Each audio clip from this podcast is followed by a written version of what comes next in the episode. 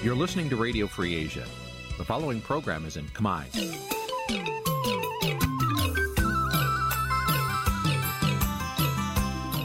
នេះជាកម្មវិធីផ្សាយ Vuthu Azizi Serai នេះជាកម្មវិធីផ្សាយរបស់ Vuthu Azizi Serai ជាភាសាខ្មែរ Vuthu Azizi Serai សូមស្វាគមន៍លោកអ្នកនាងទាំងអស់ពីរដ្ឋធានី Washington នៃសហរដ្ឋអាមេរិក បាទផ្សាយផ្ទាល់ពីរដ្ឋធានី Washington សហរដ្ឋអាមេរិកខ្ញុំបាទមេរិតសូមជម្រាបសួរលោកអ្នកនាងកញ្ញាប្រិមត្តអ្នកស្ដាប់ដានស្ដាប់ Visual Asia ស្រីទាំងអស់ជាទីមេត្រីបាទយើងខ្ញុំសូមជូនកម្មវិធីសម្រាប់យប់ថ្ងៃអង្គារ8រោចខែកដិកឆ្នាំថោះបញ្ញស័កពុរសករាជ2567ដែលត្រូវនៅថ្ងៃទី5ខែធ្នូគ្រិស្តសករាជ2023បាទជាដំបូងនេះសូមអញ្ជើញលោកអ្នកនាងកញ្ញាស្ដាប់ព័ត៌មានប្រចាំថ្ងៃដែលមានមេត្តាដូចតទៅ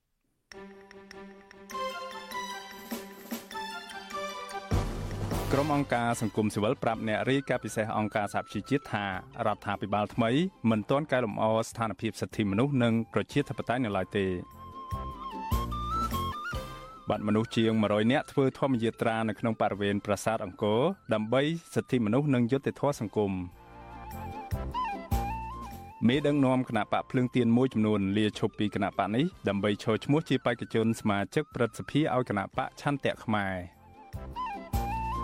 នៅក្នុងនេតិវេទិកាអ្នកស្ដាប់វិទ្យុអស៊ីស្រីយប់នេះយើងនឹងពិភាក្សាអំពីការចំណេញនិងការខាត់បងអ្វីខ្លះជំវិញការដែលកម្ពុជាអនុញ្ញាតឲ្យប្រើប្រាស់ប្រាក់យ័ន្តចិននៅក្នុងការទូទាត់ទំនិញពាណិជ្ជកម្មជាមួយចិននៅកម្ពុជារួមនឹងព័ត៌មានសំខាន់សំខាន់មួយចំនួនទៀតបាទជាបន្តទៅទៀតនេះខ្ញុំបាទមានរិទ្ធសូមជូនព័ត៌មានទាំងនេះពិស្ដា បាទលោកនាងជាទីមេត្រីក្រមមន្ត្រីអង្គការសង្គមស៊ីវិលក្នុងស្រុកស្នើសុំឲ្យអ្នករាយការណ៍ពិសេសអង្គការសហប្រជាជាតិទទួលបន្ទុកសិទ្ធិមនុស្សនៅកម្ពុជាគឺលោកវិទិតមុនតបូនលើកយកបញ្ហារំលោភសិទ្ធិមនុស្សលំហប្រជាធិបតេយ្យនិង ដំណើរការកែតម្រង់ច្បាប់អង្គការសង្គមស៊ីវិលជាដើមដើម្បីទៅជជែកជាមួយមន្ត្រីរដ្ឋាភិបាលកម្ពុជា ដើម្បីរកដំណោះស្រាយបាត់ការស្នើសុំរបស់ពួកគាត់នេះគឺធ្វើឡើងនៅក្នុងជំនួបជាមួយលោកវីតិតមុនតបូនដែលកំពុងបំពេញទស្សនកិច្ចផ្លូវការនៅកម្ពុជារយៈពេល5ថ្ងៃចាប់ពីថ្ងៃទី4ដល់ថ្ងៃទី8ខែធ្នូបាទលោកនាងនឹងបានស្ដាប់សេចក្តីរាយការណ៍នេះពីស្ដាប់នេះពេលបន្តិចទៀតនេះបាទ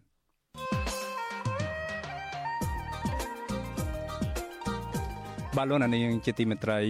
ក្រោមការដឹកនាំរបស់នាយករដ្ឋមន្ត្រីហ៊ុនម៉ាណែតជាង100ថ្ងៃមកនេះកម្ពុជារឹតតែបង្កើនកិច្ចសហប្រតិបត្តិការកាន់តែសល្មុតជាមួយមិត្តដៃថៃចិនមួយកម្រិតទៀត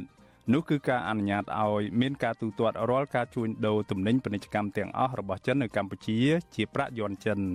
បាត់ការសម្រេចបែបនេះត្រូវក្រុមអ្នកជំនាញមួយចំនួនមើលឃើញថាជាការធ្វើឡើងដើម្បីផ្គប់គុណ តាមបំណងរបស់ចៅហ្វាយនីចិនក្នុងគោលបំណងដើម្បីកាត់បន្ថយឥទ្ធិពលប្រាក់ដុល្លារអាមេរិកនៅកម្ពុជានិងនៅលើឆាកអន្តរជាតិបាទទោះជាយ៉ាងណាធនាគារកណ្ដាលរបស់កម្ពុជាហៅកាត់ថា NBC អះអាងថាការធ្វើដូច្នេះនឹងជំរុញឲ្យមានកំណើនពាណិជ្ជកម្មការវិនិយោគនិងលំហូរហិរញ្ញវត្ថុរវាងប្រទេសទាំងពីរ តើកម្ពុជាអាចចំណេញនិងខាត់បងអ្វីខ្លះពីការអនុញ្ញាតឲ្យប្រើប្រាស់ប្រាក់យន់ចិនចំពោះរាល់ការទូទាត់ទំនិញពាណិជ្ជកម្មជាមួយចិននៅកម្ពុជានោះបាទនេះគឺជាប្រធានបទដែលយើងនឹងលើកយកមកពិភាក្សាគ្នានៅក្នុងនេតិវេទិកាអ្នកស្ដាប់វិទ្យុអស៊ីស្រីនៅយប់នេះហើយប្រសិនបើលោកនាងមានចំណាប់អារម្មណ៍ចង់ចូលរួមដាក់ជាសំណួរឬបញ្ចេញមតិនៅក្នុងនេតិវេទិកាអ្នកស្ដាប់វិទ្យុអស៊ីស្រីនាពេលបន្តិចទៀតនេះបាទសូមអញ្ជើញលោកនាងដាក់លេខទូរស័ព្ទនៅក្នុងប្រអប់ខ្ទង់ comment នៃការផ្សាយផ្ទាល់របស់យើងតាមបណ្ដាញសង្គមចំនួន3គឺ Facebook YouTube និង Telegram ហើយក្រុមការងាររបស់យើងនឹងតាក់ទងទៅលោកនាងអញ្ជើញចូលរួមដាក់ជាសំណួរឬក៏បញ្ចេញមតិតាក់ទងនឹងប្រធានបទនៃការចាយវាយប្រាក់យន្តចិននៅក្នុងការទូទាត់ពាណិជ្ជកម្មនេះបាទសូមអរគុណបាទ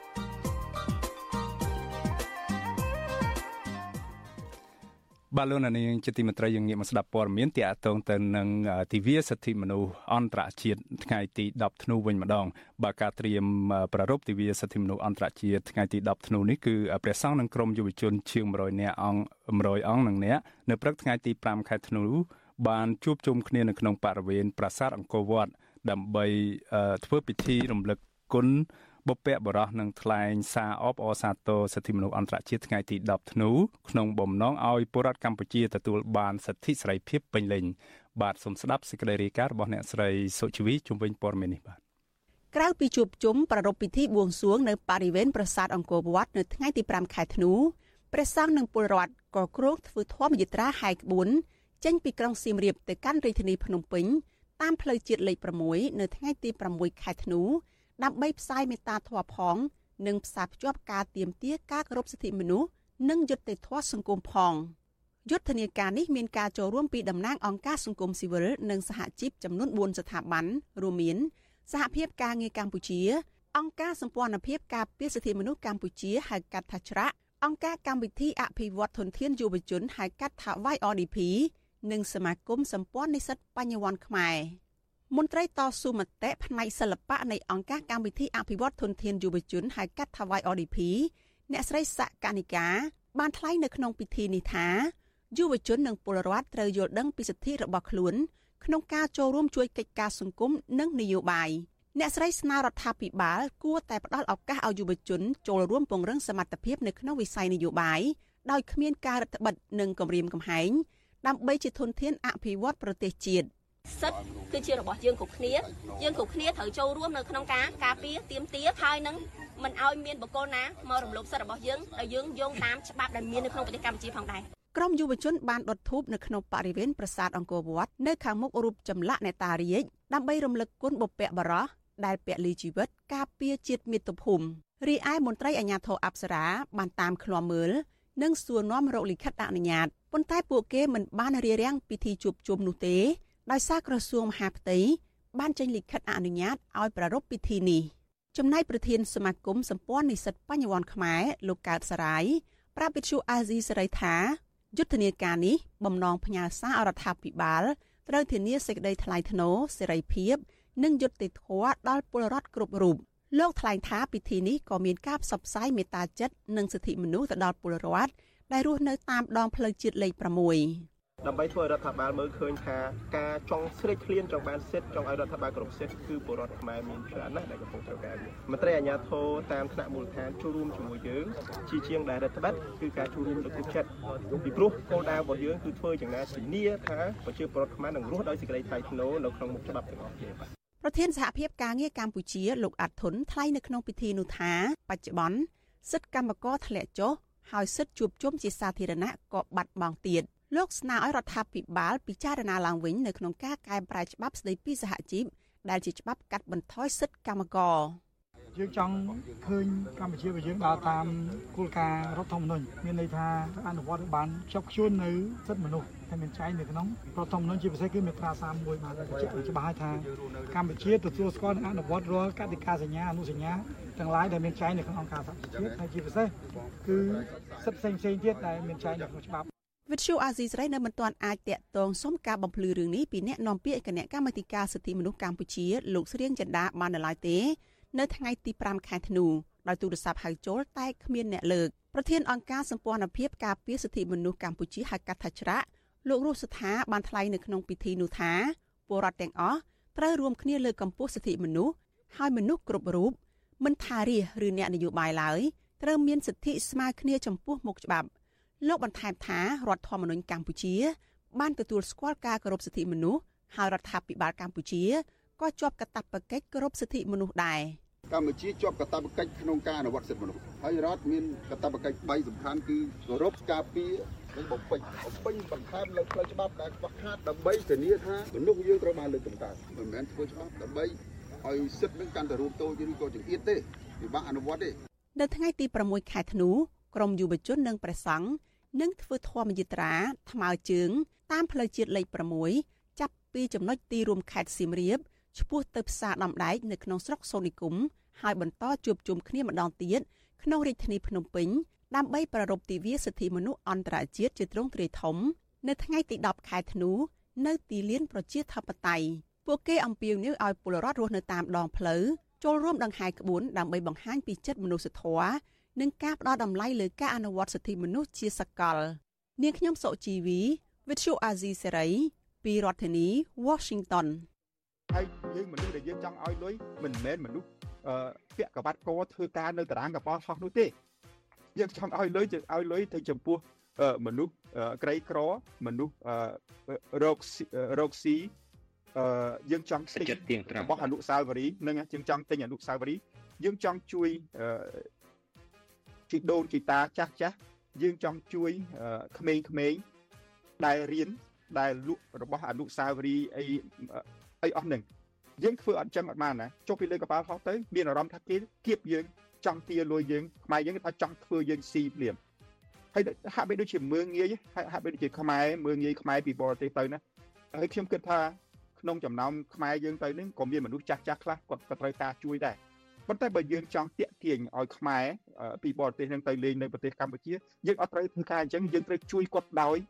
អស់ពីចិត្តពីកាយហើយឲ្យគាត់ហៅបងប្អូនគាត់ទៅលេងស្រុកខ្មែរវិញនេះមកស្រុកខ្មែរគឺថាបលិសនៅស្ថានបលិសនៅតារាងកប៉ាល់ហោះនឹងគឺថាជួយសម្បើមយកចិត្តទុកដាក់ណាអត់មានគៀបសង្កត់យកលុយទេបង បាទលោកអ្នកនាងកញ្ញាជាទីមេត្រីប្រសិនបើលោកអ្នកនាងខកខានមិនបានស្ដាប់ឬក៏ទស្សនាកម្មវិធី podcast របស់អាស៊ីសេរីកម្ពុជាសប្តាហ៍នេះលោកអ្នកនាងអាចស្វែងរកកម្មវិធី podcast នេះតាមបណ្ដាញ podcast នានាដូចជា Apple Podcast Google Podcast ជាដើម ហើយសូមអញ្ជើញលោកអ្នកនាងសរសេរនៅក្នុង ប្រអប់ស្វែងរក ថាកម្ពុជាសប្តាហ៍នេះជាភាសាខ្មែរឬមួយ Cambodia This Week ជាភាសាអង់គ្លេសនោះលោកអ្នកនាងនឹងបាន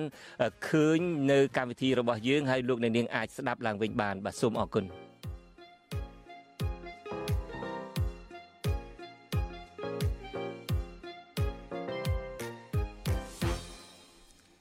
បាទលោកនាងកញ្ញាជាទីមត្រីយើងងាកមកស្ដាប់ព័ត៌មានទាក់ទងនឹងដំណើរទស្សនកិច្ចរបស់អ្នករាយការណ៍ពិសេសអង្គការសហប្រជាជាតិដើម្បីស្វែងរកការពិតជុំវិញបញ្ហារំលោភសិទ្ធិមនុស្សនៅកម្ពុជាវិញម្ដងបាទក្រុមមន្ត្រីអង្គការសង្គមស៊ីវិលនៅក្នុងស្រុកស្នើសុំឲ្យអ្នករាយការណ៍ពិសេសអង្គការសហប្រជាជាតិទទួលបន្ទុកសិទ្ធិមនុស្សនៅកម្ពុជាគឺលោកវិទិតមុនតបន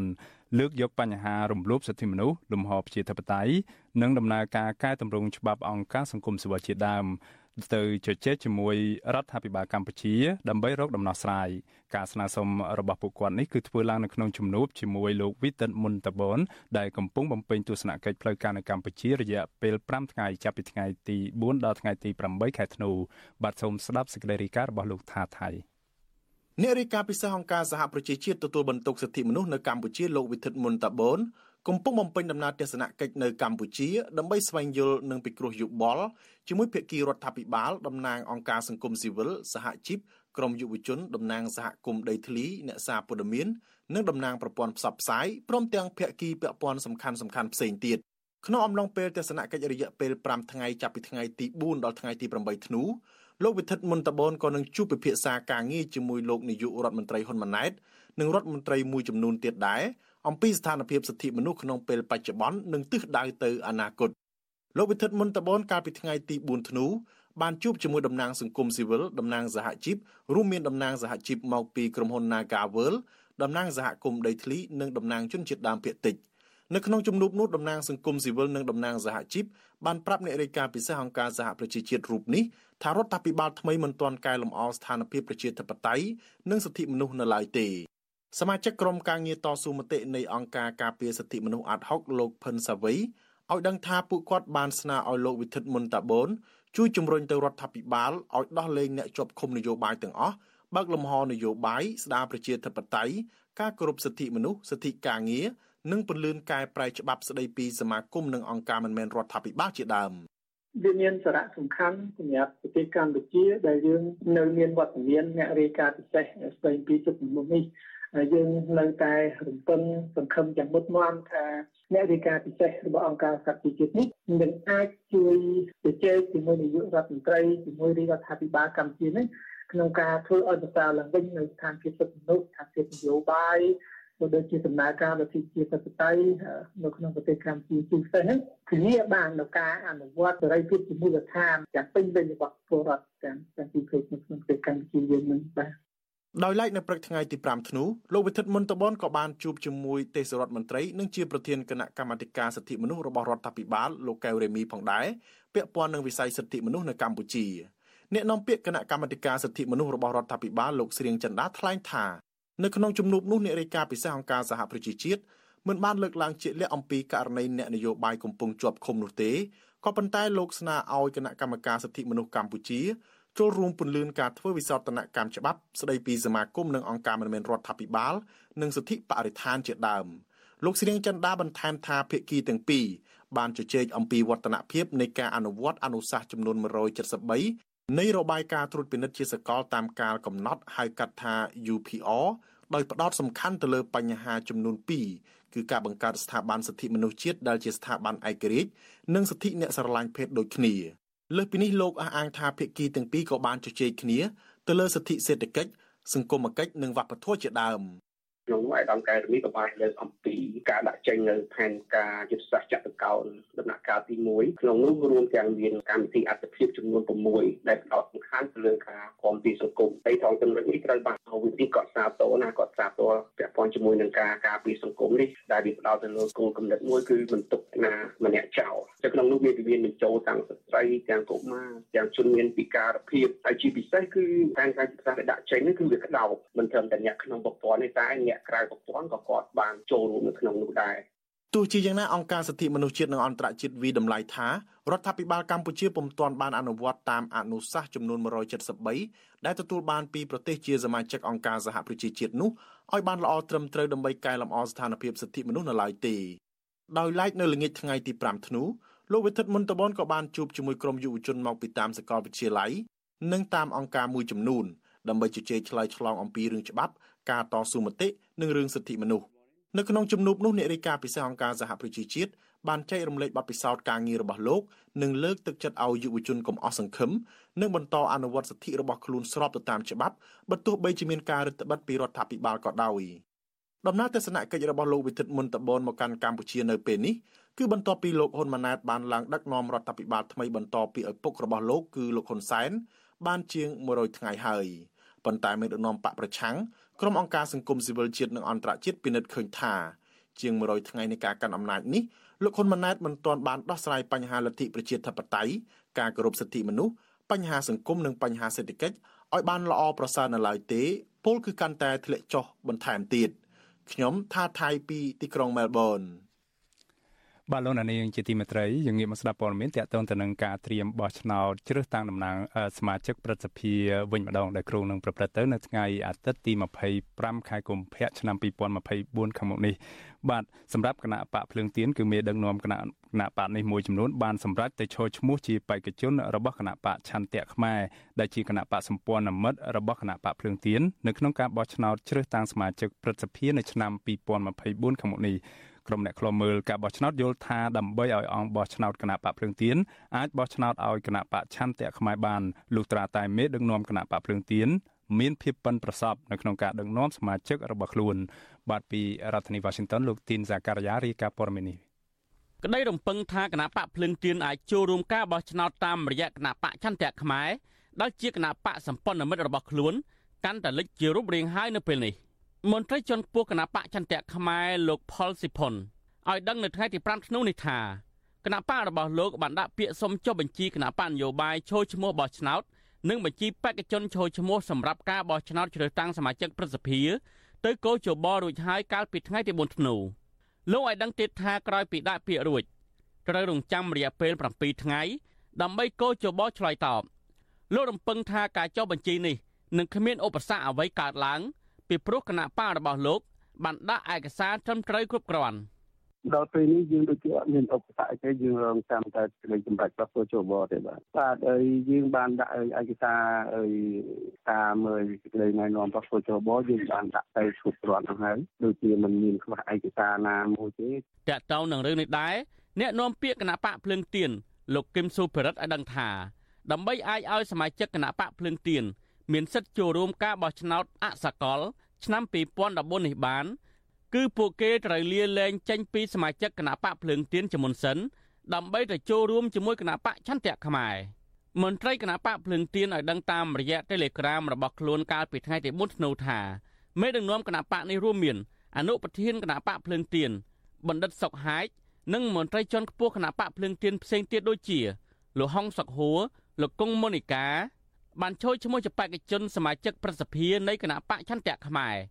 សម្រាប់ការបោះឆ្នោតជ្រើសតាំងសមាជិកប្រសិទ្ធិឆ្នាំ2024ខាងមុខនេះវិទ្យុអសិរ័យមិនអាចតតងមន្ត្រីគណៈបកភ្លើងទៀនដើម្បីសំសួរបន្ថែមថាតើគណៈបកភ្លើងទៀនឬគណៈបកចន្ទៈខ្មែរបានដាក់ចំនួនបេក្ខជនចូលឈ្មោះសម្រាប់ការបោះឆ្នោតប្រសិទ្ធិនេះមានចំនួនបេក្ខជនចូលឈ្មោះប្រមាណអ្នកបានឡើយទេនៅថ្ងៃទី5ធ្នូនេះរីឯគណៈបកប្រជាជនកម្ពុជា ក៏បានដាក់បញ្ជីបេក្ខជនរបស់ខ្លួនសរុបចំនួន116នាក់រួចហើយដែរ លោកហ៊ុនសែនប្រធានគណៈបកនេះចូលឈ្មោះជាបេក្ខជនពេញសិទ្ធិលេខរៀងទី1ប្រចាំភូមិភាគទី3ខេត្តកណ្ដាលជំវិញនឹងរឿងនេះវិទ្យុអាស៊ីសេរីមិនអាចតាក់ទងแนะនាំពាក្យគណៈកម្មាធិការជាតិរៀបចំការបោះឆ្នោតកោជបលោកហុងពុធាដើម្បីសំសួរអំពីបញ្ហានេះបានទេនៅថ្ងៃទី5ធ្នូអ្នកសម្រាប់សម្រួលផ្នែកអង្គការរបស់អង្គការឃ្លាំមើលការបោះឆ្នោត Confrel លោកកនសវាងយល់ឃើញថា ការចូលរួមចូលឈ្មោះរបស់គណៈបកចន្ទៈខ្មែរគឺជាយុទ្ធសាស្ត្រនយោបាយរបស់គណៈបកភ្លើងទៀននិងក្រុមសម្ព័ន្ធភាពរបស់ខ្លួនទោះជាណាលោកថាការសម្រេចចិត្តរបស់គណៈបកភ្លើងទៀនដែលផ្ដាល់ឲ្យគណៈបកចន្ទៈខ្មែរចូលរួមការប្រកបប្រជែងគឺទាមទារឲ្យមេដឹកនាំគណៈបកភ្លើងទៀនមានភាពប៉ិនប្រសប់ដើម្បីធានាថាអង្គបោះឆ្នោតជាង2000នាក់របស់គណៈបកភ្លើងទៀន ទៅបោះឆ្នោតឲ្យបេក្ខជនមកពីគណៈបកចន្ទៈខ្មែរឋានៈដឹកនាំចេះទៅជេរជេរនិយាយណា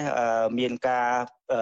ភាសាគ្នាទៅអានឹងទិសដៅវាអាចទៅបានពីព្រោះការបោះឆ្នោតនេះវាមិនមែនជាការបោះឆ្នោតជាសកលទេវាជាការបោះឆ្នោតអសកល មានន័យថាម៉េចមានន័យថាអាសនៈដែលនៅក្នុងដែលត្រូវជាប់ឬមិនត្រូវជាប់នឹងដឹងខ្លួនឯងគណៈបកភ្លឹងទៀនបានសម្រេចជ្រើសរើសយកគណៈបកចន្ទៈខ្មែរដែលជាគណៈបកនៅក្នុងសម្ព័ន្ធភាពនយោបាយរបស់ខ្លួន ដើម្បីចូលឈ្មោះជំនួសឲ្យគណៈបកភ្លឹងទៀនចូលរួមការបោះឆ្នោតជ្រើសរើសសមាជិកព្រឹទ្ធសភានិងការបោះឆ្នោតជ្រើសរើសក្រុមប្រឹក្សារាជធានីខេត្តក្រុងស្រុកខណ្ឌឆ្នាំ2024ខាងមុខក្រុមអ្នកខ្លំមើលរំពឹងថាក្រោយការបោះឆ្នោតអសកលនេះរួចហើយគណៈបកប្រឆាំងមានសម្លេងក្នុងស្ថាប័នព្រឹទ្ធសភានិងក្រុមប្រឹក្សារាជធានីខេត្តក្រុងស្រុកខណ្ឌឡើងវិញ នៅក្រៅពីរដ្ឋាភិបាលឯកបកបានរំលាយគណៈបកសង្គ្រោះជាតិកាលពីឆ្នាំ2017 ដែលយកអាសនៈរបស់គណៈបកសង្គ្រោះជាតិរួមមានអាសនៈរបស់សភាអាសនៈរបស់ក្រុមប្រឹក្សាឃុំ និងក្រុមប្រឹក្សារាជធានីខេត្តក្រុងស្រុកខណ្ឌជាដើមខ្ញុំបាទទីនសាការីយ៉ាអស៊ីសេរី ប្រធានាធិបតី Washington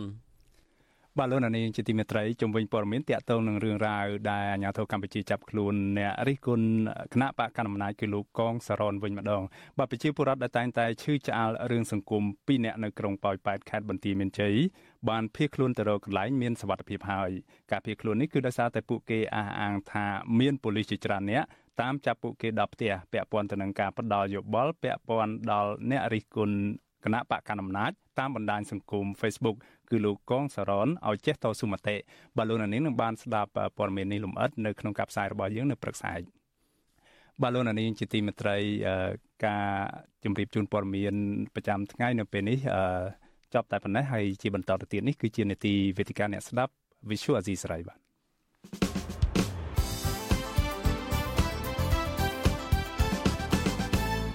បាទនេះគឺជានេតិវេទិកាអ្នកស្ដាប់ Visual Azizi ស្រី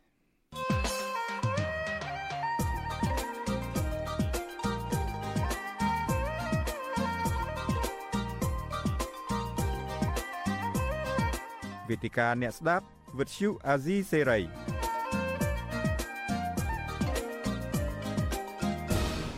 បាទជាថ្មីម្ដងទៀតខ្ញុំបាទមេរិតសូមជម្រាបសួរលោកនាងកញ្ញាអ្នកតាមដានស្ដាប់ Visual C ស្រីតាមបណ្ដាញសង្គម Facebook YouTube និង Telegram និងអ្នកតាមដានស្ដាប់ Visual C ស្រីនៅលើរលកធាតុអាកាសខ្លី Shortwave បាទនេះគឺជានេតិវេទិកាអ្នកស្ដាប់ Visual C ស្រីហើយនៅក្នុងនេតិវេទិកាអ្នកស្ដាប់ Visual C ស្រីយប់នេះយើងនឹងផ្ដោតលើប្រធានបទ ជំវិញការដែលកម្ពុជាអនុញ្ញាតឲ្យប្រើប្រាក់យន្តចិននៅក្នុងការទូទាត់ទំនិញពាណិជ្ជកម្មរបស់ចិននៅកម្ពុជាយើងមានវាគ្មិនពីររូបចូលរួមនៅក្នុងនេតិអ្នកស្ដាប់វេទិកា Visual អាស៊ីស្រីនៅពេលនេះគឺមានបណ្ឌិតអិនចានីដែលលោកជាប្រធាននាយកប្រតិបត្តិធនាគារ AC Lida បាទហើយវាគ្មិនមួយរូបទៀតគឺលោកសេងវ៉ាន់លីលោកជាអ្នកតាមដានភូមិសាស្ត្រនយោបាយតំបន់អាស៊ីអាគ្នេយ៍និងប៉ាស៊ីហ្វិកបាទខ្ញុំឃើញលោកទាំងពីរតាមកញ្ចក់ទូទូហើយបាទសូមជំរាបសួរលោកទាំងពីរពីចម្ងាយបាទជំរាបសួរបាទ បាទបាទអរគុណណាស់លោកទាំងពីរដែលបានចំណាយពេលចូលរួមនៅក្នុងនេតិវេទិកាអ្នកស្ដាប់យើងនៅយប់នេះដើម្បីផ្ដល់ជាចំណេះដឹងនិងការយល់ឃើញជំវិញរឿងរ៉ាវដែលកម្ពុជាអនុញ្ញាតឲ្យចិនប្រើការប្រាក់យន់ដើម្បីទូទាត់ទំនិញពាណិជ្ជកម្មនៅក្នុងកម្ពុជាហ្នឹងបាទលោកអិនចានីយ៉ាងម៉េចទៅសុខសប្បាយជាទេវ៉ាខានជួបលោកបណ្ឌិតអិនចានីហ្នឹងយូរហើយបាទសុខសប្បាយជាទេបាទសុខសប្បាយធម្មតាបាទសូមអរគុណបាទ ដើម្បីចាប់ផ្ដើមនេតិនេះលោកអឺបាទសេងវ៉ាន់លីយើងក៏បានជួបលោកកាលពីសប្តាហ៍មុនហើយយើងបន្តពិភាក្សាជុំវិញរឿងរ៉ាវដែលកម្ពុជាប្រើប្រាស់ប្រាក់យន់ចិននេះហើយនឹងឥទ្ធិពលនៃប្រាក់យន់ចិននេះបាទលោកសេងវ៉ាន់លីវិញយ៉ាងម៉េចដែរបាទសុខទុក្ខធម្មតាទេឬក៏យ៉ាងណាដែរ បាទជំរាបសួរបាទសុខធម្មតាបាទអរគុណច្រើនបាទអរគុណបាទជាកិច្ចចាប់ផ្ដើមនេះយើងចង់បញ្ជាក់ថាកាលពីថ្ងៃទី21ខែវិច្ឆិកាកន្លងទៅគឺធនាគារជាតិនៃកម្ពុជា បានចុះអនុសារណៈនៃការយោគយល់ឬកិច្ចព្រមព្រៀងជាមួយនឹងធនាគារកណ្ដាលរបស់ចិន ដើម្បីអនុញ្ញាតឲ្យទី1គឺមានការប្រតិបត្តិការនៃការទូទាត់ប្រាក់យួនចិននៅក្នុងទំនិញពាណិជ្ជកម្មកម្ពុជាកិច្ចព្រមព្រៀងនោះគេហៅថាមានកិច្ចព្រមព្រៀងចំនួន 2គឺទី1ហ្នឹងគឺកិច្ចសហប្រតិបត្តិការអ្នកវិនិវត្តហិរញ្ញវត្ថុនិងប្រព័ន្ធទូទាត់សងប្រាក់និងកិច្ចព្រមព្រៀងទី2ហ្នឹងគឺការបង្កើតកិច្ចសម្របសម្រួលនៅក្នុងការទូទាត់និងផាត់ទាត់នៅកម្ពុជាដែលការទូទាត់ឬផាត់ទាត់សាច់ប្រាក់នេះគឺធ្វើឡើងជាប្រាក់យ័ន្តចិនអឺ រាល់ទំនិញពាណិជ្ជកម្មរបស់ចិននៅកម្ពុជានោះឯងបាទខ្ញុំចង់ចាប់ផ្ដើមសំណួរដំបូងជាមួយលោកបណ្ឌិតអិនចានីដោយសារលោកបណ្ឌិតជាអ្នកជំនាញនៅក្នុងវិស័យធនាគារនិងហិរញ្ញវត្ថុនេះស្រាប់បាទលោកបណ្ឌិតយល់ឃើញយ៉ាងណាដែរជំវិញដំណើរវិវត្តចុងក្រោយនៃការអនុញ្ញាតឲ្យចិនទូទាត់សាច់ប្រាក់ដោយប្រើប្រាក់យ័ន្តចិននៅកម្ពុជានេះបាទបាទខ្ញុំបាទសូមអរគុណចំពោះសំណួរដ៏មានសារៈសំខាន់តាមពិតទៅ តាមខ្ញុំដឹងអ្វីត្បិតតែលោកបដោតទៅលើអនុសាសនៈកាលពីតាមសេចក្តីប្រកាសព័ត៌មានមកទនីគឺជាតិថ្ងៃទី21ខែវិច្ឆិកាឆ្នាំ2023នេះ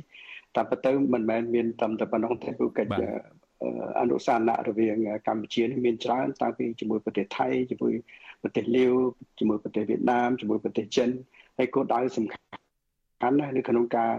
ជំរុញការប្រើប្រាស់ប្រាក់រៀលអាហ្នឹងកិច្ចព្រមព្រៀងនេះគឺជំរុញការ ទូទាត់សង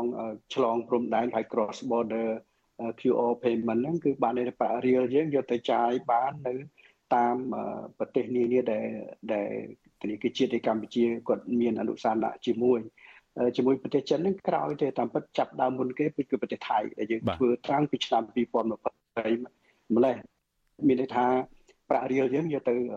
ទូទាត់ថ្លៃតំណែងនៅប្រទេសថៃបានបាទហើយរីឯប្រាក់បាតថៃហ្នឹង ក៏មកទូទាត់តំណែងនៅកម្ពុជាបានអញ្ចឹងណាដែរប៉ុន្តែតម្រូវចាំបាច់ត្រូវមានគណនីប្រាក់សន្សំនឹងជាប្រាក់រៀលចំពោះជនកម្ពុជាឬក៏អ្នកស្នាក់នៅក្នុងប្រទេសកម្ពុជាជាប្រាក់រៀលបានយកទៅប្រើនៅប្រទេសថៃបានមិនមែនយកសាច់ប្រាក់មកចាយទេបានន័យថាយកតាម mobile app ហ្នឹងយើងយកទៅទូទាត់តំណែងនៅប្រទេសថៃបង់ថ្លៃសន្តាគារនិយាយចំការទូទាត់ទូទៅទិញតំណែងនៅតាមផ្សារសាធារណៈ ហើយជាមួយប្រទេសលាវក៏យើងធ្វើដូច្នោះដែរហើយជាមួយប្រទេសវៀតណាមក៏យើងធ្វើដូច្នោះដែររីឯប្រទេសចិនហ្នឹងក៏តម្រង់ដូចគ្នាយ៉ាងដែរបាទមានមានមែនតើទៅខ្ញុំមានមោទនភាពក្រៃលែងនៅពេលដែលឃើញរាជរដ្ឋាភិបាលយើងជាពិសេសធនាគារជាតិនៃកម្ពុជាធ្វើឲ្យមានអនុសាសនៈហ្នឹងគឺអាចឲ្យការប្រើប្រាស់ប្រាក់រៀលនៅលើទីផ្សារអន្តរជាតិណាឥឡូវចាប់ដើមពីថ្នាក់តំបន់ពង្រីកទៅថ្នាក់សកល គឺមានអត្ថប្រយោជន៍ច្រើនយើងមិនចាំបាច់ យកប្រាក់រៀលខ្មែរទៅដូរទៅជារូបិយប័ណ្ណបរទេសដូចជាប្រាក់ដុល្លារដើម្បីទូទាត់ទេចង់និយាយថាទំនិញនៅប្រទេសថៃជាប្រាក់បាតគឺយកតម្លៃប៉ុណ្ណាគឺ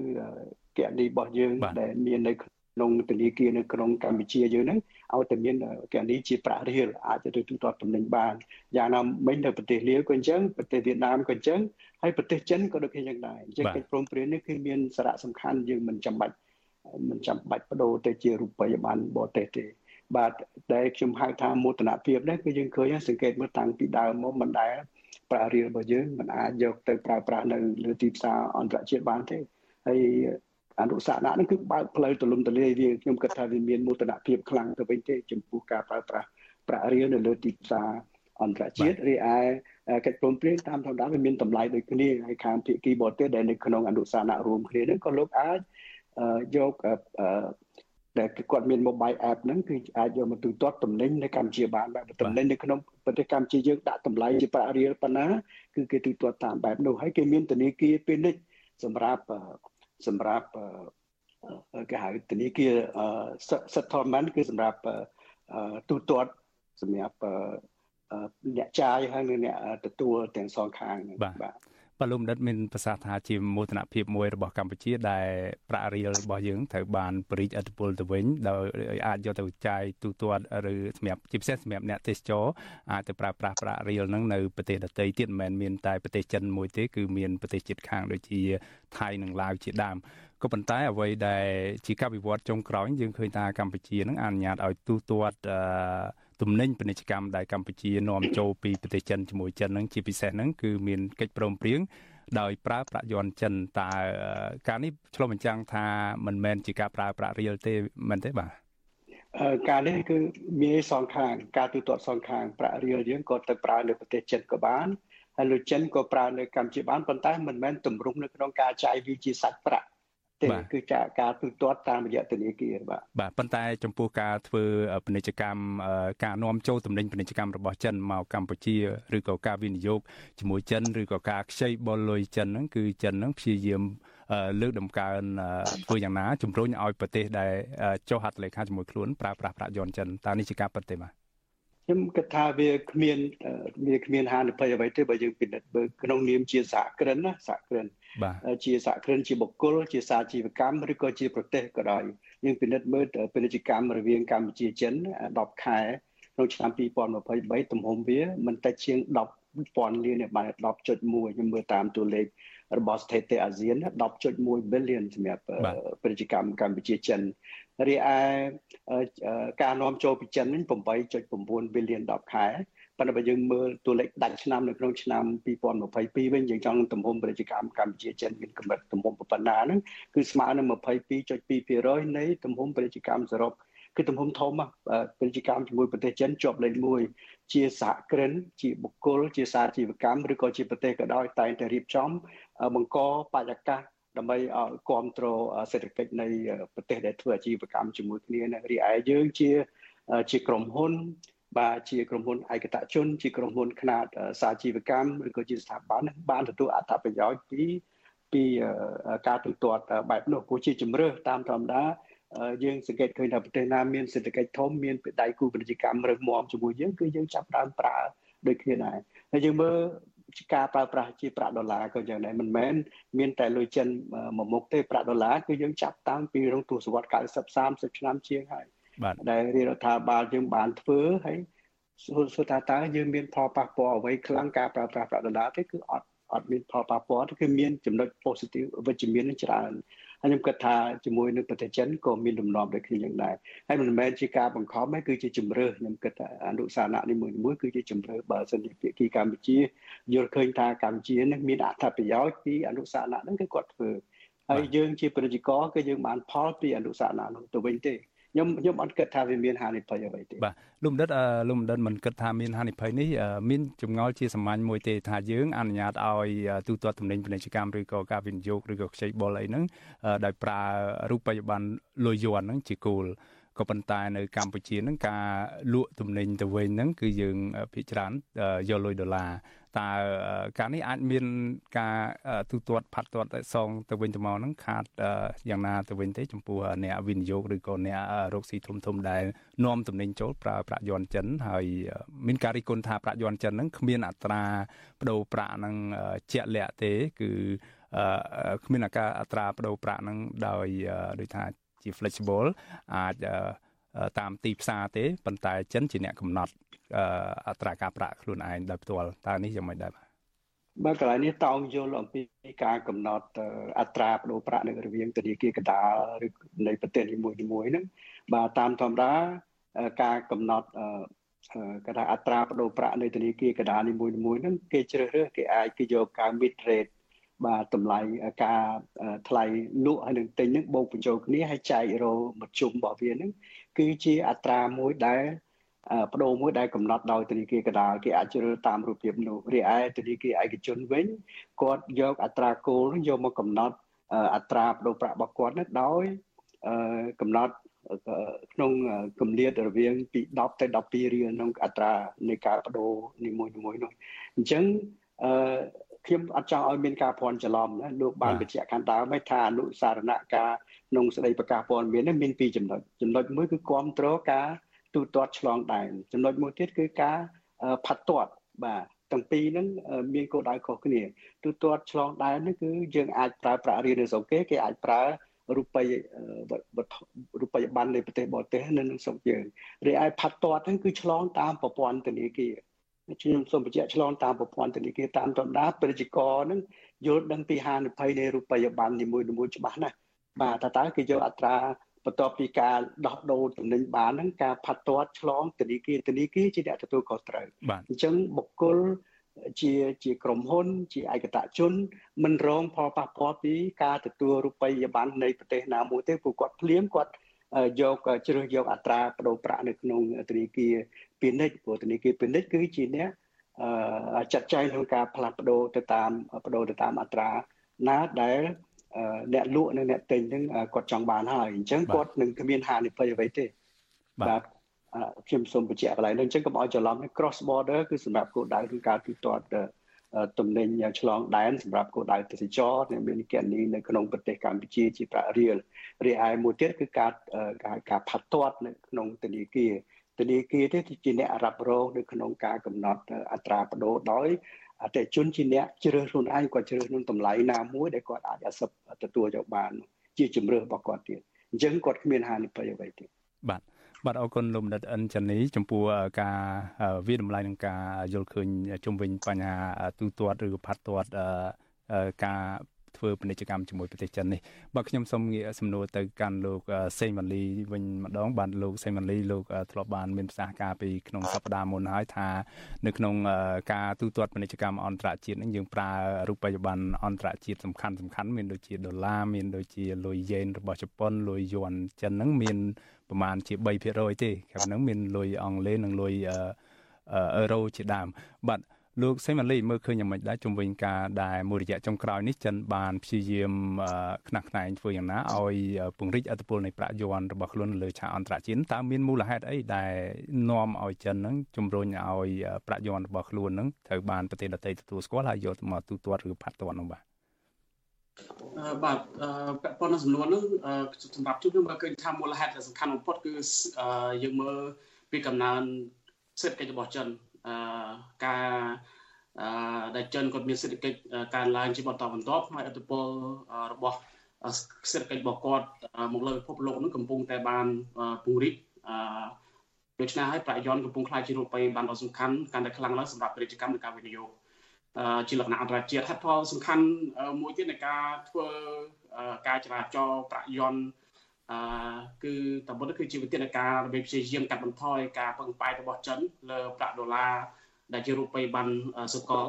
ដែលលេខធ្លោបំផុតដូចជារៀបរាប់ឡើងកាលពីសប្តាហ៍មុនចឹងហើយវិធានការនេះនឹងអនុញ្ញាតឲ្យចិនអាចគ្រប់គ្រងសេដ្ឋកិច្ចរបស់ខ្លួនដោយកាត់បន្ថយភាពងាយរងគ្រោះ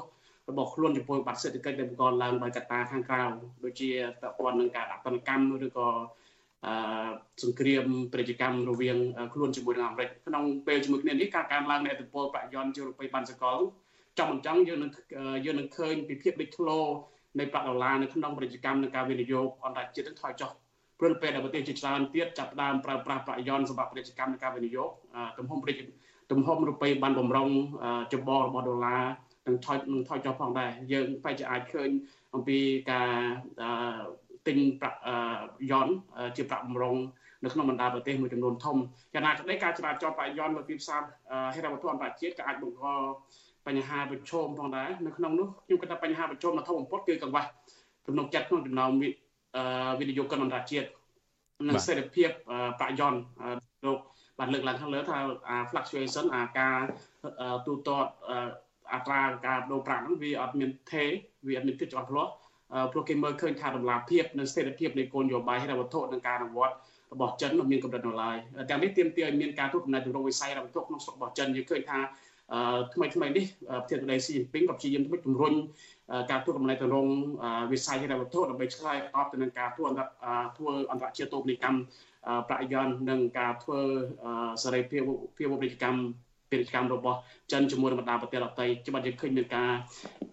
ជំរុញឲ្យមានអនុសារណៈយោគយល់ជាមួយប្រទេសដៃគូរបស់ខ្លួនក្នុងការរុញចរាចរការទូទាត់ឬផាត់ទាត់ជាប្រយ័ត្នបាទបាទបាទអរគុណលោកសេម៉ាលីបាទលោកនាងជាទីមេត្រីនៅពេលនេះយើងកំពុងតែពិភាក្សាអំពីប្រធានបទតាក់ទងទៅនឹងថាតើកម្ពុជាអាចចំណេញនិងខាត់បងអ្វីខ្លះពីការអនុញ្ញាតឲ្យប្រើប្រាក់យន់ចិនចំពោះការទូទាត់ទំនិញពាណិជ្ជកម្មឬការវិនិយោគ នៅកម្ពុជាពីទំនិញរបស់ចិននោះបាទប្រសិនបើលោកអ្នកនាងចាប់អារម្មណ៍ចង់ចូលរួមដាក់ជាសំណួរឬក៏មានមតិយោបល់នៅក្នុងនេតិវេទិកាអ្នកស្ដាប់វិទ្យុស៊ីស្រីនេះពេលនេះបាទសូមអញ្ជើញលោកអ្នកនាងដាក់លេខទូរស័ព្ទនៅក្នុងប្រអប់ខ្ទង់ផ្សាយផ្ទាល់នៃ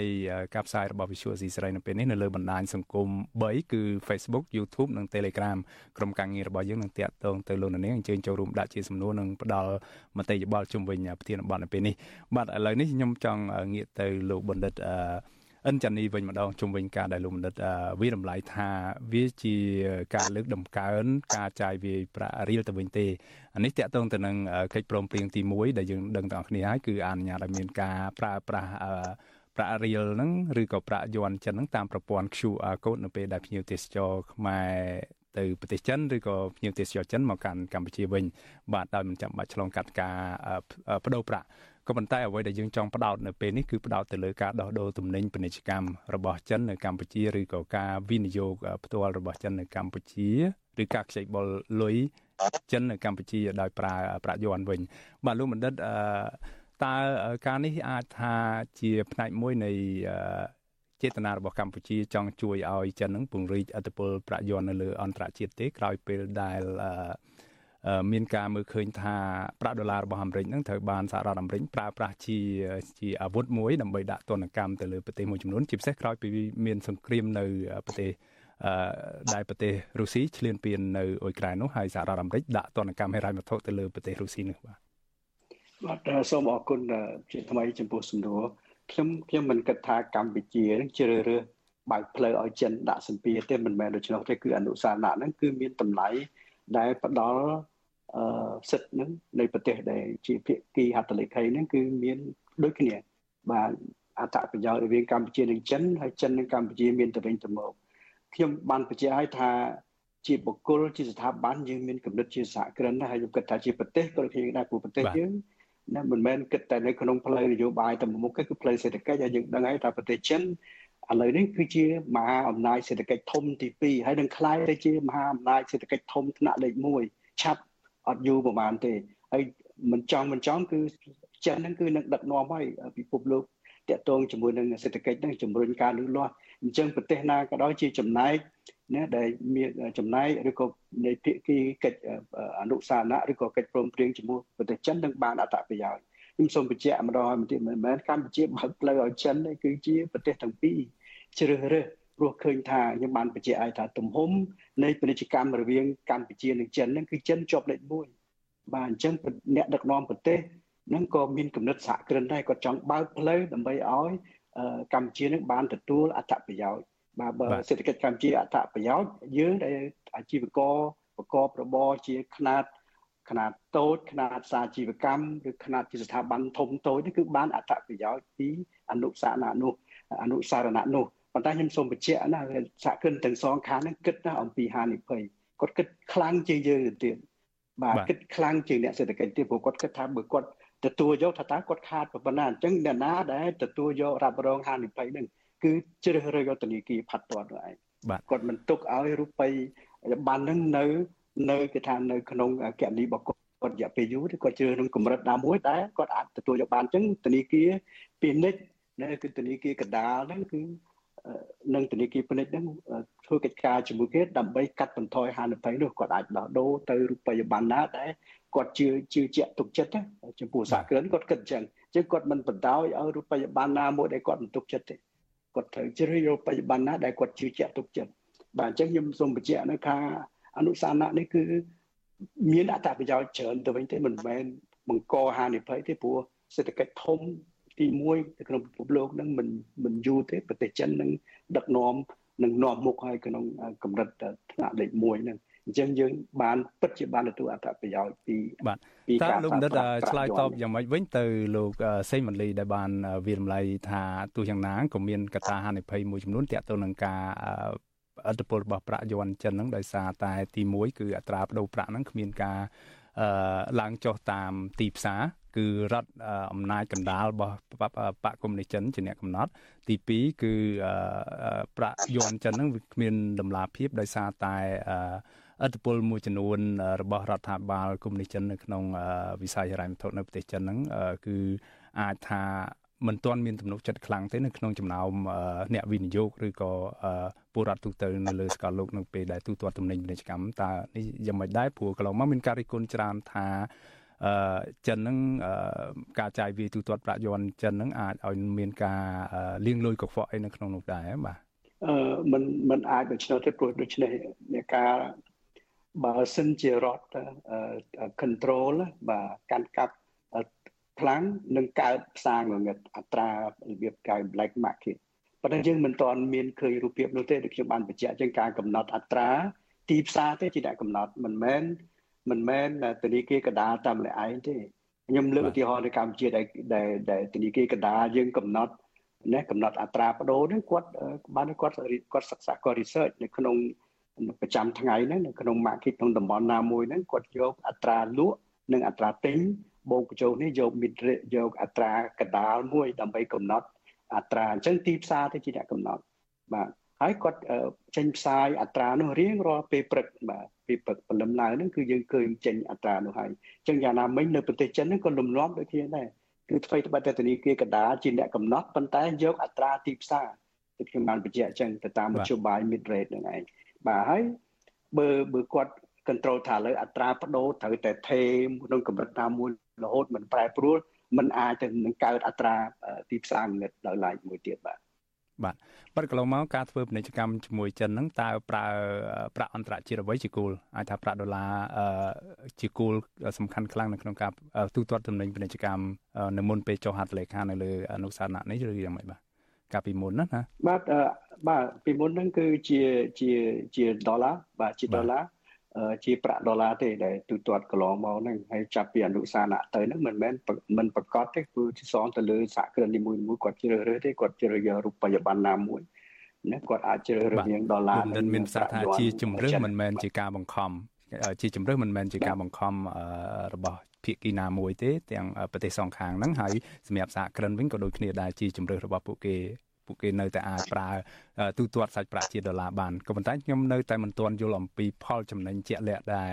កម្ពុជាឬសហគ្រិនកម្ពុជាទទួលបានហ្នឹងគណៈឧបមាថាពួកគេទទួលទូទាត់ទិញទំនិញពាណិជ្ជកម្មឬក៏ការវិនិយោគជាមួយចិនហ្នឹងប្រើប្រាក់យួនដល់តាទីផ្សារនៅកម្ពុជាហ្នឹងប្រាក់ដុល្លារហ្នឹងគឺទលំទលាយខ្លាំងណាស់តើពេលដែលលក់ទៅវិញជាប្រាក់ដុល្លារមានការផាត់ទាត់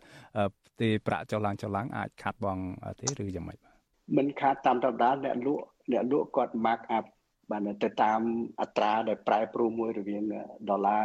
ជាមួយនឹងលុយយន់ហើយស្រេចហើយអញ្ចឹងគាត់ជ្រើសរើសអត្រារបស់ធនាគារដើម្បីផាត់ដើម្បីផាត់ទាត់ដើម្បីបដូរ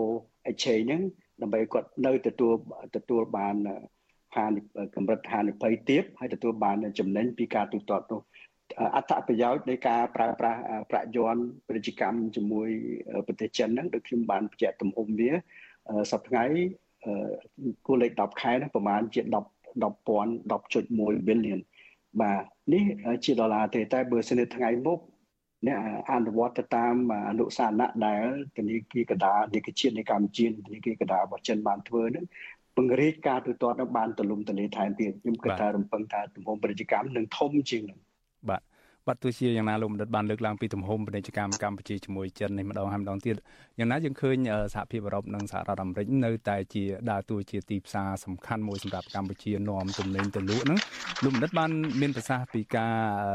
ទំហំពាណិជ្ជកម្មកម្ពុជានិងចិនក៏ប៉ុន្តែលោកបណ្ឌិតមិនបានលើកឡើងពីអ្វីដែលចិនយកមកលក់កម្ពុជានឹងច្រើនលើសលប់ហ្មងដល់តែកម្ពុជាយកទៅលក់ឲ្យចិនបានត្រឹមតែ1000 លៀនទេនៅក្នុងទំហំពាណិជ្ជកម្មនេះខុសពីអ្វីដែលកម្ពុជាធ្វើជាមួយសហរដ្ឋអាមេរិកឬក៏ជាមួយបណ្ដាប្រទេសអឺរ៉ុបគឺកម្ពុជាយកទៅលក់ច្រើនលើសលប់ហើយអឺរ៉ុបឬក៏អាមេរិកទិញពីកម្ពុជាទិញពីកម្ពុជាច្រើនលើសលប់ប៉ុន្តែយកមកលក់ឲ្យកម្ពុជាតិចតែបើមើលទៅចិនវិញចិនហ្នឹងលក់តែទំនិញខ្លួនឲ្យខ្មែរប៉ុន្តែខ្មែរមិនអាចលក់ឲ្យចិនវិញតើលោកបកស្រាយយ៉ាងម៉េចបាទខ្ញុំខ្ញុំសូមបញ្ជាក់ថាកម្ពុជា មានកិច្ចព្រមព្រៀងពាណិជ្ជកម្មសេរីមួយជាមួយប្រទេសចិនដែល ចាប់ផ្ដើមអឺអនុវត្តចូលយុទ្ធរមាននៅថ្ងៃទីខែមករាឆ្នាំ2023នេះបាទហើយទំហំប្រជាកម្មរវាង ការនាំចេញរបស់កម្ពុជានឹង1.1 billion លុយដុល្លារសហរដ្ឋអាមេរិកហ្នឹង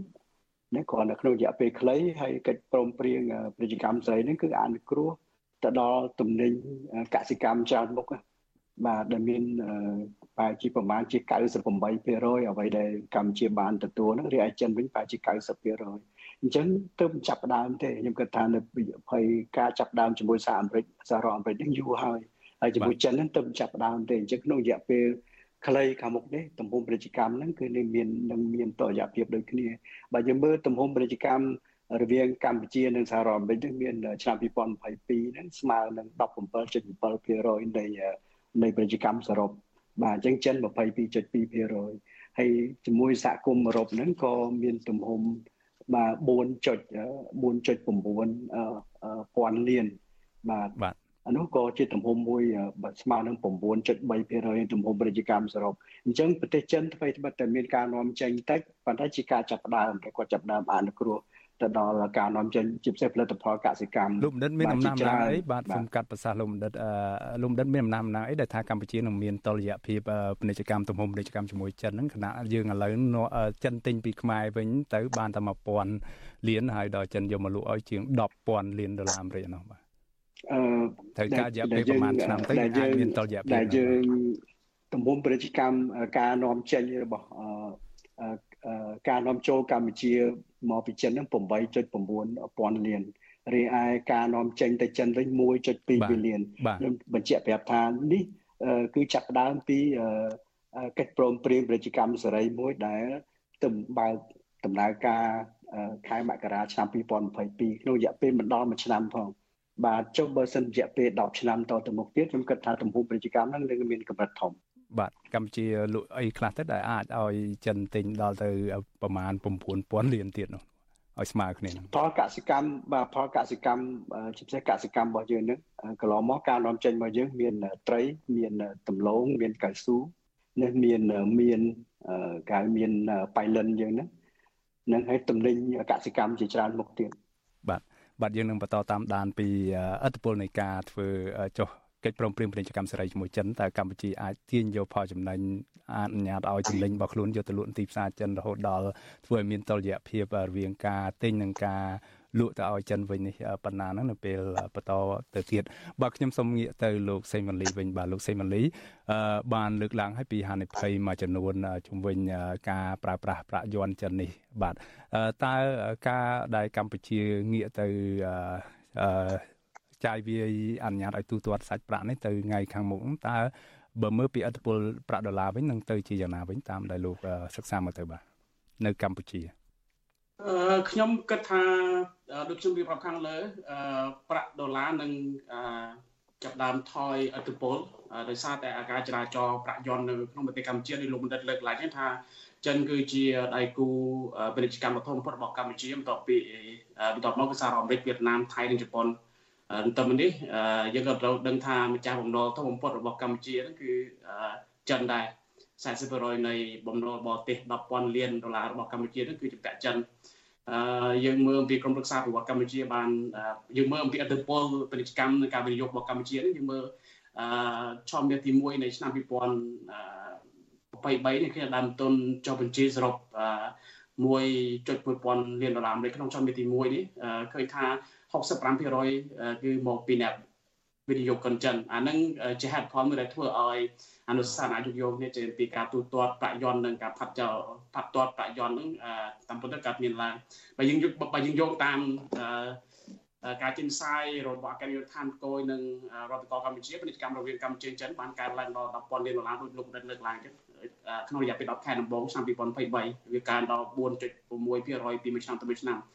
តែប៉ុតកិច្ចព្រមព្រៀងឬក៏អនុសារណៈរវាងធនាគារកណ្ដាលនិងធនាគាររបស់ចិននេះវាឆ្លើយតបទៅនឹងកិច្ចខិតខំប្រឹងប្រែងរបស់កម្ពុជាដើម្បីធ្វើគេហៅបដិដុល្លាររូបនីយកម្មឬក៏វិធានការកាត់បន្ថយការប្រើប្រាស់ប្រាក់ដុល្លារដល់សេដ្ឋកិច្ចរបស់កម្ពុជារយៈពេលកន្លងមកយើងឃើញថាកម្ពុជាបានពឹងផ្អែកយ៉ាងខ្លាំងលើប្រាក់ដុល្លារអាមេរិកសម្រាប់ធ្វើប្រតិបត្តិការសេដ្ឋកិច្ច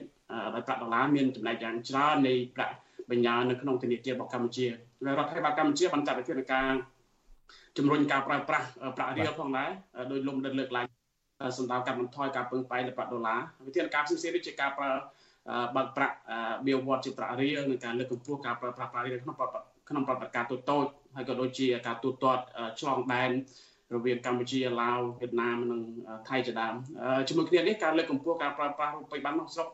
សម្រាប់ការដោះដូរពាណិជ្ជកម្មគ្នាទៅវិញទៅមកកម្ពុជាអាចកាត់បន្ថយថ្លៃ ប្រតិបត្តិការការទាញអំពីការប្រើប្រាស់រូបិយប័ណ្ណច្រើនច្រើនប្រភេទអឺយ៉ាងទៀតខ្ញុំគិតថាវាក៏អាចជួយសម្រួលដល់ពាណិជ្ជកម្មនិងការធ្វើឲ្យកាន់តែងាយស្រួលសម្រាប់អាជីវកម្មឆ្លងដែនអាចបង្កើនសមាសមារណកម្មសេដ្ឋកិច្ចនៅក្នុងតំបន់ការធ្វើនេះមិនត្រឹមតែជួយជំរុញកិច្ចសហការសេដ្ឋកិច្ចវាក៏ជួយកាត់បន្ថយរបាំងពាណិជ្ជកម្មហើយក៏វាអាចជួយបង្កើនសេដ្ឋកិច្ចនិងស្ថិរភាពក្នុងតំបន់ប៉ុន្តែគាត់ថាខ្ញុំចង់មើលអំពី ចំណុចអវិជ្ជមានដោយឡែកកម្ពុជាត្បិតអន្តរជាតិទោបនីយកម្មបយ័នឬការការចរាចរណ៍បយ័ននៅក្នុងការទូទាត់រវាងកម្ពុជានិងចិននោះវាផ្ដល់ផលប្រយោជន៍មែនដូចជាកម្លាំងសេដ្ឋកិច្ចរបស់ចិនអឺមកលើការវិនិយោគនៅកម្ពុជាជាពិសេសការវិវត្តហេដ្ឋារចនាសម្ព័ន្ធសំខាន់សំខាន់ក្នុងប្រទេសក៏ដូចជាការធ្វើប្រសើរឡើងការតបជាប់ពាណិជ្ជកម្មនិងការវិនិយោគដែលរួមចំណែកដល់កំណើនសេដ្ឋកិច្ចការកើនឡើងនៃវណ្ណៈ អ្នកមានរបស់ចិនចូលរួមចំណែកក្នុងកំណើនសេដ្ឋកិច្ចតាមរយៈតេតិញទេសចរមែនប៉ុន្តែគាត់ថាវាមានបញ្ហាសពជាច្រើនខ្ញុំបើមានសំណួរខ្ញុំចង់ជជែកប្រាប់អរគុណលោកសេមបានលីបាទឥឡូវនេះយើងមានសំណួរពីប្រិមត្តអ្នកស្ដាប់យើងមួយរូបគឺលោកហៃវណ្ណាបាទសូមជំរាបសួរលោកហៃវណ្ណាសូមជើញដាក់សំណួរដោយផ្ទាល់តែម្ដងទៅយើងមានពេលខ្លីណាស់បាទបាទតាមការពិតទៅខ្ញុំអត់មានសំណួរទេប៉ុន្តែខ្ញុំមានទស្សនបល់ចង់និយាយថា អឺវាគ្មិនមួយរូបនៅក្នុងកម្មវិធីបាននិយាយថាចិននឹងអាចក្លាយជាប្រទេសសេដ្ឋកិច្ចទី1នៅលើពិភពលោកខ្ញុំមើលឃើញថាវាអាចនិងមិនអាចប៉ុន្តែជាចាស់ខ្ញុំគិតថាប្រហែលជាមិនអាចទេពីព្រោះចិនជាប្រទេសកុម្មុយនីសអឺมันអាចធ្វើឲ្យសេដ្ឋកិច្ចនឹងលោតទៅទី1បានទេពីព្រោះចរន្តពិភពលោកសពថ្ងៃប្រទេសដែលកំពុងអភិវឌ្ឍ ខ្លាំងហ្នឹងគេកំពុងតែប្រឈមនឹងវិបត្តិសេដ្ឋកិច្ចបើមិនបើគេឲ្យប្រទេសចិនដែលជាប្រទេសកុម្មុយនីសគ្រប់គ្រងពិភពលោកវានឹងមិនមានស្ថិរភាពទេហើយពាក់ព័ន្ធទៅនឹងការប្រើប្រាស់ប្រាក់យួននិងប្រាក់ដុល្លារសំទោសប្រាក់យួននិងប្រាក់រៀលដើម្បីទូទាត់ពីប្រទេសចិនទៅប្រទេសកម្ពុជានេះគឺជារឿងមួយដែលវាមិនអាចកើតមានល្អសម្រាប់ប្រទេសយើងទាំងពីរទេវាល្អទៅសម្រាប់ទៅប្រទេសចិនទេហើយ ខ្ញុំមិនមែនជាអ្នកសេដ្ឋកិច្ចទេប៉ុន្តែខ្ញុំមើលឃើញថានៅពេលដែលប្រាក់រៀលការឡើងចានៅក្នុងប្រទេសកម្ពុជាប្រាក់យួនការឡើងចានៅក្នុងប្រទេសចិនធ្វើឲ្យលុយមានច្រើនអឺខ្វះផលិតផលក្នុងការលក់ដូច្នេះលុយទាំងអស់នេះនឹងមិនអាចប្រើប្រាស់បានទេនៅពេលដែលយើងធ្វើសហប្រតិបត្តិការជាមួយប្រទេសផ្សេងទៀតនៅលើសកលលោកយើងអាចធ្វើបានទេតែប្រទេសពីរហ្នឹងប៉ុន្តែអត់អាចធ្វើបានទេអញ្ចឹងខ្ញុំគិតឃើញថាករណី រឿងចរន្តការប្រើប្រាស់នេះវាមិនមានចំណេញអីដល់ប្រទេសកម្ពុជាទេផ្ទុយទៅវិញគឺវានឹងធ្វើឲ្យមានការអន់ថយពីព្រោះយើងលក់ទំនិញក៏មិនបានហើយយើងមានប្រាក់ដុល្លារផងយើងនៅតែសេដ្ឋកិច្ចដាប់ដាំងបាចុះក្រោមទម្រាំទៅយើងមានលុយយន់ទៀតដល់ពេលដែលយើងមានលុយយន់ច្រើនគឺថាប្រទេសយើងអាចដំណើរការទៅមុខបានឬក៏អត់ហើយនេះគ្រាន់តែជា ការចង់បានរបស់ប្រទេសទាំងពីរដើម្បីមានចំណងមិត្តភាពទេបើចំពោះសេដ្ឋកិច្ចខ្ញុំថាគ្មានការកើនឡើងទេបាទហើយ បាទអរគុណលោកហៃវណ្ណាយើងអស់ពេលទៅហើយសូមអធិស្ឋានបាទបាទសូមអរគុណលោកហៃវណ្ណាដែលបានផ្ដល់មតិយោបល់ជុំវិញរឿងរ៉ាវនៃការប្រើប្រាស់ប្រាក់យន់នេះបាទលោកបណ្ឌិតអិនចានីមានប្រសាសន៍ចុងក្រោយបំផុតហ្នឹងតាក់ទងទៅនឹងជញ្ជីងពាណិជ្ជកម្មកម្ពុជាចិនថាអាចនឹងមានតុល្យភាពនៅពេលខាងមុខក៏ប៉ុន្តែបើយើងមើលពីសេដ្ឋកិច្ចពិភពលោកវិញសូម្បីតែមហាអំណាចសកលលោកតែម្ដងគឺអាមេរិកក៏មានការផ្អៀងជញ្ជីងពាណិជ្ជកម្មមានអតុល្យភាពហ្នឹងផ្អៀងទៅខាងចិនខ្លាំងដែរតែចិននាំទំនិញមកលក់នៅអាមេរិកខ្លាំងមែនតែនតែម្ដងតើនេះមិនបញ្ជាក់ថាកម្ពុជាជាប្រទេសសេដ្ឋកិច្ចតូចមួយមិនងាយអាចនឹងទៅទៅមានតុល្យភាពជាមួយនឹងចិនបានទេរ៉ូស៊ីជាមួយចិនហ្នឹងគឺចិនជាអ្នកចំណេញទេបាទសូមដល់ខ្លីបាទមួយនាទីបើឆ្លងទេប្រខ្ញុំបាទលើលោកវិក្កាមិនបានបញ្ជាក់អំបញ្ញមកយើងតាការឲ្យ ប្រទេសណាមួយជាសេដ្ឋកិច្ចពីលេខ1លេខ2មិនមែនអ្នកណាឲ្យទេគឺការកំប្រឹងប្រែងរបស់ប្រទេសនឹងរៀបរៀបចំគ្រប់គោលនយោបាយហេដ្ឋារចនាសម្ព័ន្ធទាំងអស់ដើម្បីខ្លាយទៅជាប្រទេសនាំមុខគេក្នុងវិស័យសេដ្ឋកិច្ចនឹងឯងមើលឃើញប្រទេសចិនដែលប្រទេសអាមេរិកខំប្រឹងរកវិធីទប់ស្កាត់ផងគាត់គាត់នៅតែមានទំនិញរបស់គាត់ដែលយកទៅលក់នៅក្នុងទីផ្សារអាមេរិកដែលអាមេរិកនឹងខាត់មិនបានផងបាទប្រជាជនទីផ្សារបាទខ្មែរយើងសេដ្ឋកិច្ចតូចតើធ្វើមិនអាចទៅទៅទៅដូចគ្នាបាទបាទ ដូចគ្នាអញ្ចឹងដែរឲ្យតែយើងមានរបស់បាទមានមានគុណបាទអរគុណលោកបណ្ឌិតបាទយើងអស់ពេលទៅហើយបាទសូមអធិស្ឋានបាទដោយសារយើងអស់ម៉ោងទៅហើយនៅពេលនេះសូមអរគុណលោកទាំងពីរដែលបានចូលរួមនៅក្នុងនេតិវេទិកាអ្នកស្ដាប់វិទ្យុស៊ីស្រីនៅពេលនេះបាទសម្រាប់ពេលនេះខ្ញុំបាទមានរិទ្ធបាទសូមអរគុណនិងសូមជម្រាបលាបាទសូមអរគុណបាទ